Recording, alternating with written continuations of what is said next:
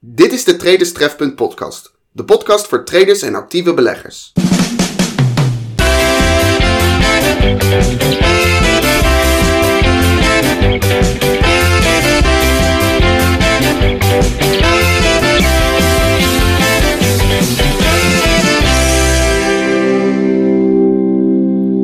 Hey hallo, Marcel van Vliet hier. Leuk dat je er weer bij bent en welkom bij de derde aflevering van de Traders Trefpunt podcast. Zoals bijna te doen gebruikelijk begin ik ook deze aflevering weer met reacties naar aanleiding van de vorige podcast. De reacties komen niet alleen binnen via info@traderstref.nl, maar ook via de live chat van de Traderstref.website website en natuurlijk via de social media. De statistieken voor deze podcast zijn in vergelijking tot andere beginnende podcasts geweldig. Maar blijf alsjeblieft reageren, want dat geeft mij het gevoel dat ik het niet voor niets doe en dat ik met deze podcast echt een steentje bij kan dragen aan jouw reis naar het succesvol handelen op de beurs.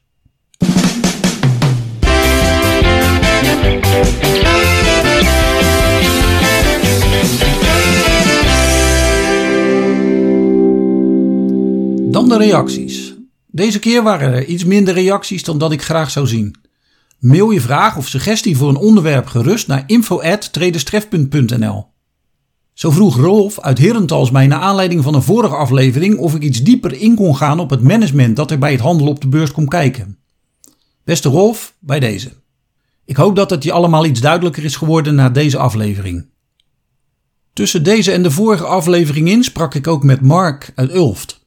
Dat ligt in de buurt van Doetinchem, heb ik me laten vertellen.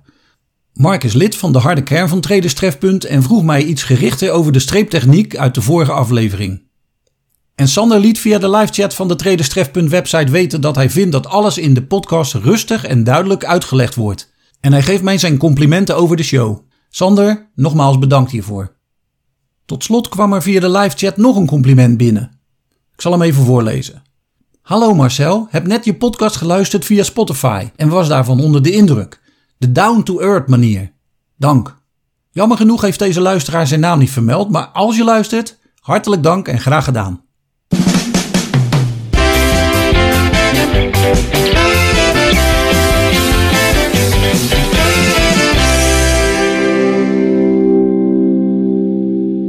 En dan is het nu tijd voor het hoofdonderwerp van deze podcast. Management in trading en actief beleggen. Er wordt mij regelmatig gevraagd wat voor soort manager ik ben als ik mij met mijn eigen zaken bemoei. Soms door oud-collega's die zelf ook als manager op de een of andere loonlijst staan, maar soms ook door traders die er net zoals ik van overtuigd zijn dat het handelen volgens een vastgestelde routine of werkwijze het meest loont. Dan is het slechts een kwestie van bijsturen en niet telkens opnieuw het wiel uitvinden. Geeft een hoop rust, dat kan ik je verzekeren. Laten we eerst het vergrootglas er eens bij nemen en kijken wat management nu eigenlijk is. Het management is de manier waarop een organisatie geleid wordt om de doelen van de organisatie te realiseren. Vaak zal het management de manier inhouden waarop de werknemers, maar ook processen worden aangestuurd. De term management wordt ook toegepast als synoniem voor de manier waarop iets wordt beheerst, zoals bijvoorbeeld in risicomanagement en money management. Management is in de loop der jaren wel een beetje een containerbegrip geworden. Zo werd een bedrijfsleider ineens filiaalmanager en noemde men bij wijze van grap de toiletjuffrouw soms manager sanitaire voorzieningen. Zelf heb ik eigenlijk ook best wel veel ervaring in management, onder heel veel verschillende namen. Ik ben onder andere werkzaam geweest als regiomanager, districtsmanager, kwaliteitsmanager, procesmanager, back-office manager, projectmanager en zelfs helemaal aan het begin van mijn managementcarrière ben ik begonnen als restaurantmanager. Als het beestje maar een naampje heeft. What's in a name, zullen we maar in goed Nederlands denken. Alle managementachtige functies die ik in de loop der jaren heb vervuld, kwamen eigenlijk op hetzelfde neer. Behalve het kwaliteitsmanagement, want hiervoor moest ik wel een specifieke opleiding volgen. Management komt naar mijn idee neer op het scheppen van voorwaarden.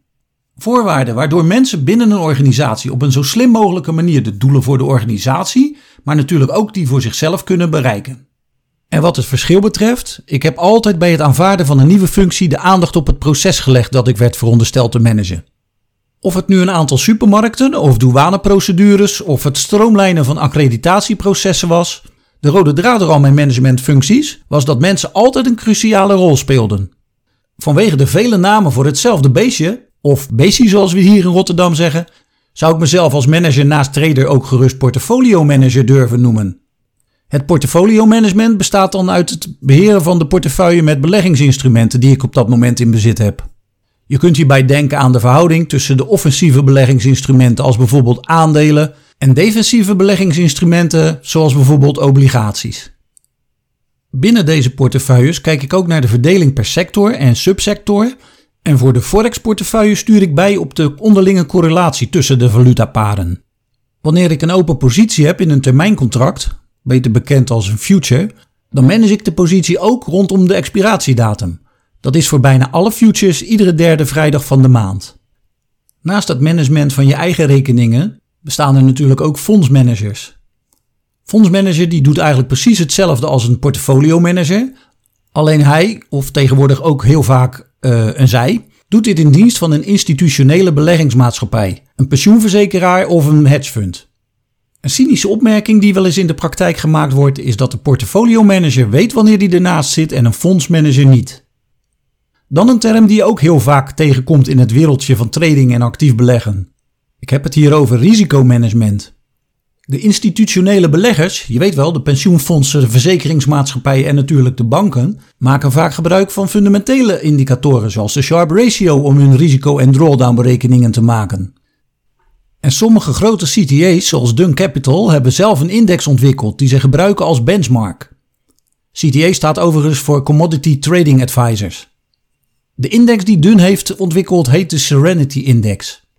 Traders en actieve beleggers, zoals waarschijnlijk jij en ik, werken in de regel met een risicomanagementverhouding of risk-to-reward ratio, een percentage van de account, een vast bedrag per trade of met behulp van een technische indicator, zoals de Average True Range indicator, die overigens in het jargon beter bekend staat als ATR-indicator. Mijn risicomanagement heeft in ieder geval weinig tot niets met geld te maken.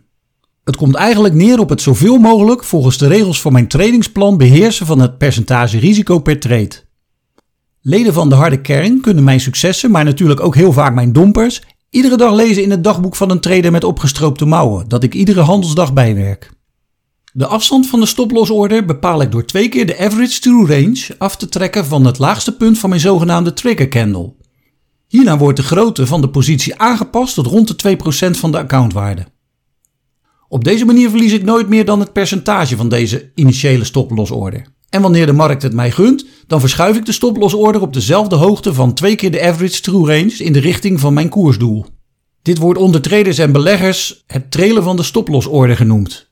Hierdoor wordt het risico per trade en dus ook het gemiddelde risico van de portefeuille na het sluiten van de dagcandle vaak aanzienlijk kleiner. Risicomanagement en money management wordt door beginnende traders en actief beleggers vaak door elkaar gehaald. Money management heeft echter weinig van doen met risicomanagement.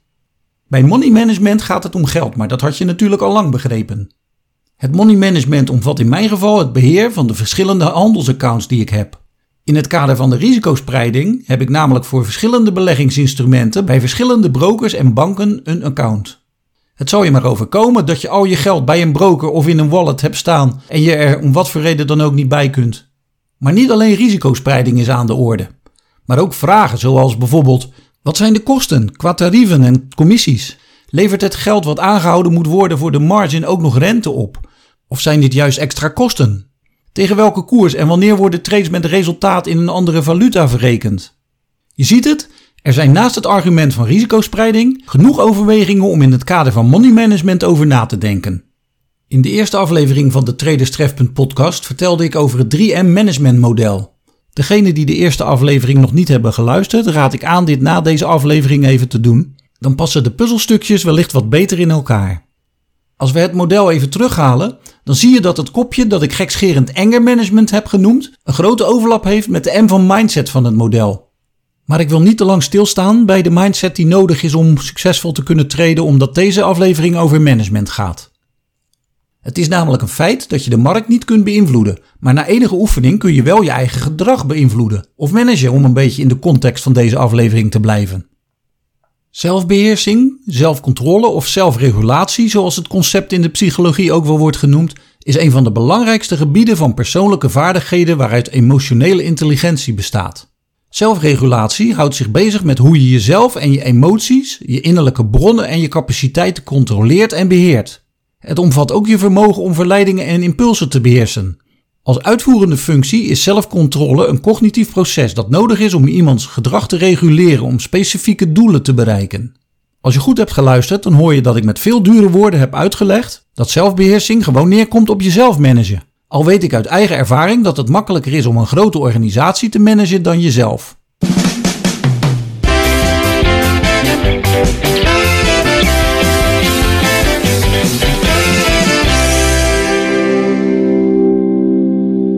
Erg leuk natuurlijk, al die droge theorieën over management, maar wat schiet je daar in de praktijk nu mee op? Om de zaken rondom het management zo simpel mogelijk te houden, doe je er zeker in het begin verstandig aan om voor jezelf een checklist samen te stellen. Niet voor niets beweerde een succesvolle trader eens dat de beste strategieën op de achterkant van een bierveeltje passen. De checklist hoeft niet per se een professioneel en dus duur modelvoorbeeld te zijn. Maar het kan ook gewoon bestaan uit een kladpapiertje dat je naast je toetsenbord hebt liggen, waarop je al je regels één voor één afvinkt. Zelf heb ik in het begin veel baat gehad bij de als-dan-methode om mijn regels te noteren. Een voorbeeld?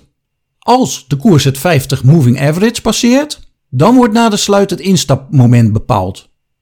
Maar ik ken ook genoeg traders die een afvinklijst gebruiken en echt niet in een trade stappen die niet voldoet aan de criteria die op de lijst staan. Het maakt echt niet uit hoe je de checklist vormgeeft. Ook hier gaat het er weer om dat het voor jou plezierig werkt en dat jij er baat bij hebt.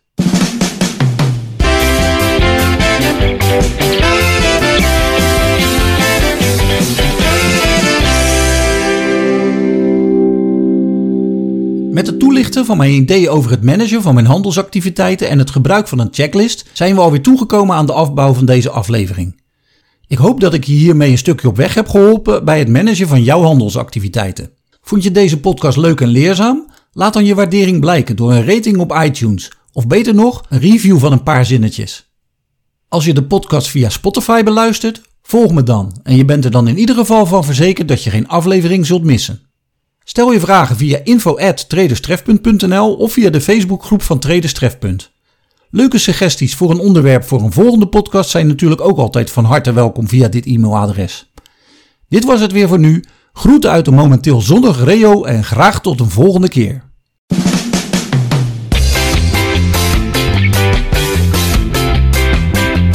Dit was de Traders Trefpunt podcast. Bedankt voor het luisteren. Bezoek de Traders Trefpunt website voor meer informatie over Marcel van Vliet en de harde kern van Traders Trefpunt.